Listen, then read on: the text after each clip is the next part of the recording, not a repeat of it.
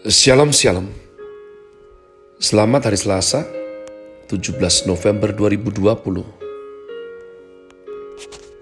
Saya Pendeta Kaleb Hofer Bintor dalam anugerahnya.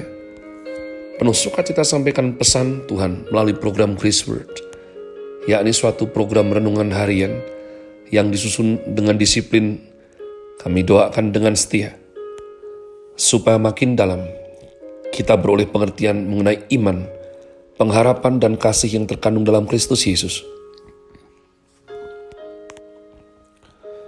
Sungguh merupakan kerinduan saya bagi saudara sekalian, agar supaya kasih dan kuasa firman Tuhan setiap hari tidak pernah berhenti menjamah hati, menggarap pola pikir dan paling terutama adalah kehidupan kita boleh sungguh berubah, makin serupa kepada Kristus Yesus. Masih dalam season winter dengan tema Developing, Grace Word hari ini saya berikan judul Good Job. Good Job.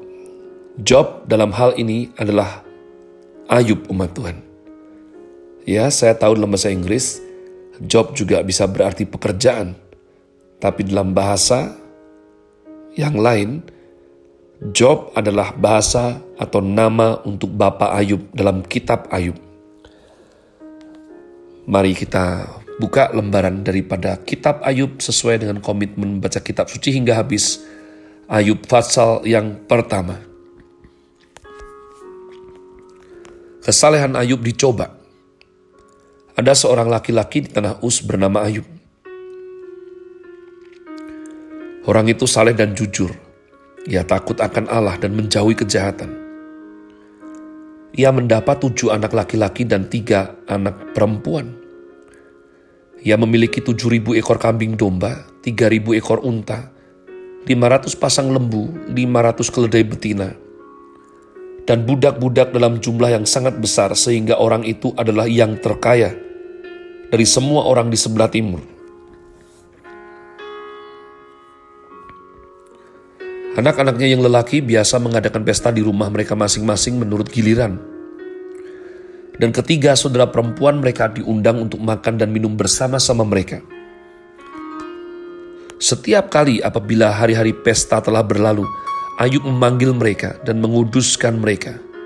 Keesokan harinya pagi-pagi bangunlah Ayub, lalu mempersembahkan korban bakaran sebanyak jumlah mereka sekalian sebab pikirnya.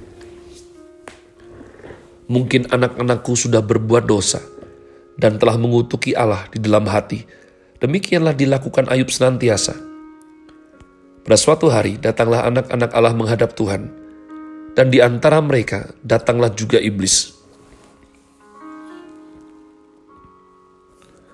Maka bertanyalah Tuhan kepada iblis, dari mana engkau? Lalu jawab iblis kepada Tuhan, dari perjalanan mengelilingi dan menjelajah bumi. Lalu bertanyalah Tuhan kepada iblis, apakah engkau memperhatikan hambaku Ayub? Sebab tiada seorang pun di bumi seperti dia, yang demikian saleh dan jujur, yang takut akan Allah dan menjauhi kejahatan. Lalu jawab iblis kepada Tuhan, Apakah dengan tidak mendapat apa-apa, Ayub takut akan Allah? Bukankah engkau yang membuat pagar sekeliling dia dan rumahnya, serta segala yang dimilikinya? Apa yang dikerjakannya telah kau berkati, dan apa yang dimilikinya makin bertambah di negeri itu. Tetapi ulurkanlah tanganmu dan jamahlah, jamahlah segala yang dipunyainya. Ya pasti mengutuki engkau di hadapanmu.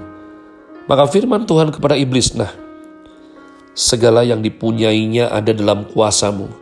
Hanya janganlah engkau mengulurkan tanganmu terhadap dirinya Kemudian pergilah iblis dari hadapan Tuhan. Pada suatu hari, ketika anak-anaknya yang lelaki dan yang perempuan makan-makan dan minum anggur di rumah saudara mereka yang sulung. Datanglah seorang pesuruh kepada Ayub dan berkata, sedang lembu, sapi membajak, dan keledai-keledai betina makan rumput di sebelahnya. Datanglah orang-orang Sheba menyerang dan merampasnya serta memukul penjaganya dengan mata pedang. Hanya aku sendiri yang luput sehingga dapat memberitahukan hal itu kepada Tuhan. Sementara orang itu berbicara, datanglah orang lain dan berkata, Api telah menyambar dari langit dan membakar serta memakan habis kambing domba dan penjaga-penjaga. Hanya aku sendiri yang luput sehingga dapat memberitahukan hal itu kepada Tuhan. Sementara orang itu berbicara, datanglah orang lain dan berkata, orang-orang Kasdim membentuk tiga pasukan, lalu menyerbu unta-unta dan merampasnya, serta memukul penjaganya dengan mata pedang. Hanya aku sendiri yang luput sehingga dapat memberitahukan hal itu kepada Tuhan. Sementara orang itu berbicara, datanglah orang lain dan berkata, Anak-anak Tuhan yang lelaki dan yang perempuan sedang makan-makan dan minum anggur di rumah saudara mereka yang sulung. Maka tiba-tiba angin ribut bertiup dari seberang padang gurun. Rumah itu dilandanya pada empat penjurunya dan roboh menimpa orang-orang muda itu sehingga mereka mati. Hanya aku sendiri yang luput, sehingga dapat memberitahukan hal itu kepada Tuhan. Maka berdirilah Ayub, lalu mengoyak jubahnya dan mencukur kepalanya. Kemudian sujudlah ia dan menyembah. Katanya, dengan telanjang aku keluar dari kandungan ibuku, dengan telanjang juga aku akan kembali ke dalamnya. Tuhan yang memberi, Tuhan yang mengambil, terpujilah nama Tuhan. Dalam kesemuanya itu, Ayub tidak berbuat dosa dan tidak menuduh Allah berbuat yang kurang patut. Umat Tuhan, kitab Ayub adalah salah satu kitab favorit saya. Selain daripada Yakobus, kitab Mazmur Amsal, dan juga Ayub inilah tentu saja empat Injil.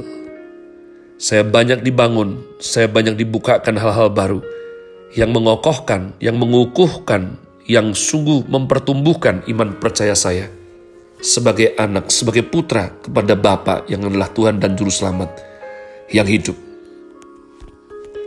Belajar mengenai Ayub umat Tuhan. Saudara harus mengerti satu perkara Melalui kitab Ayub ini yang disinyalir merupakan kitab tertua yang secara ya bahan kertas yang dipakai yakni papirus itu. Dia paling tua. Maka umat Tuhan, di sinilah firman Tuhan dalam perjanjian lama mengajarkan kepada kita. Sementara dari kitab kejadian, keluaran, ulangan, bilangan, imamat, Temanya adalah orang taat, diberkati Tuhan, tidak taat kena kutuk.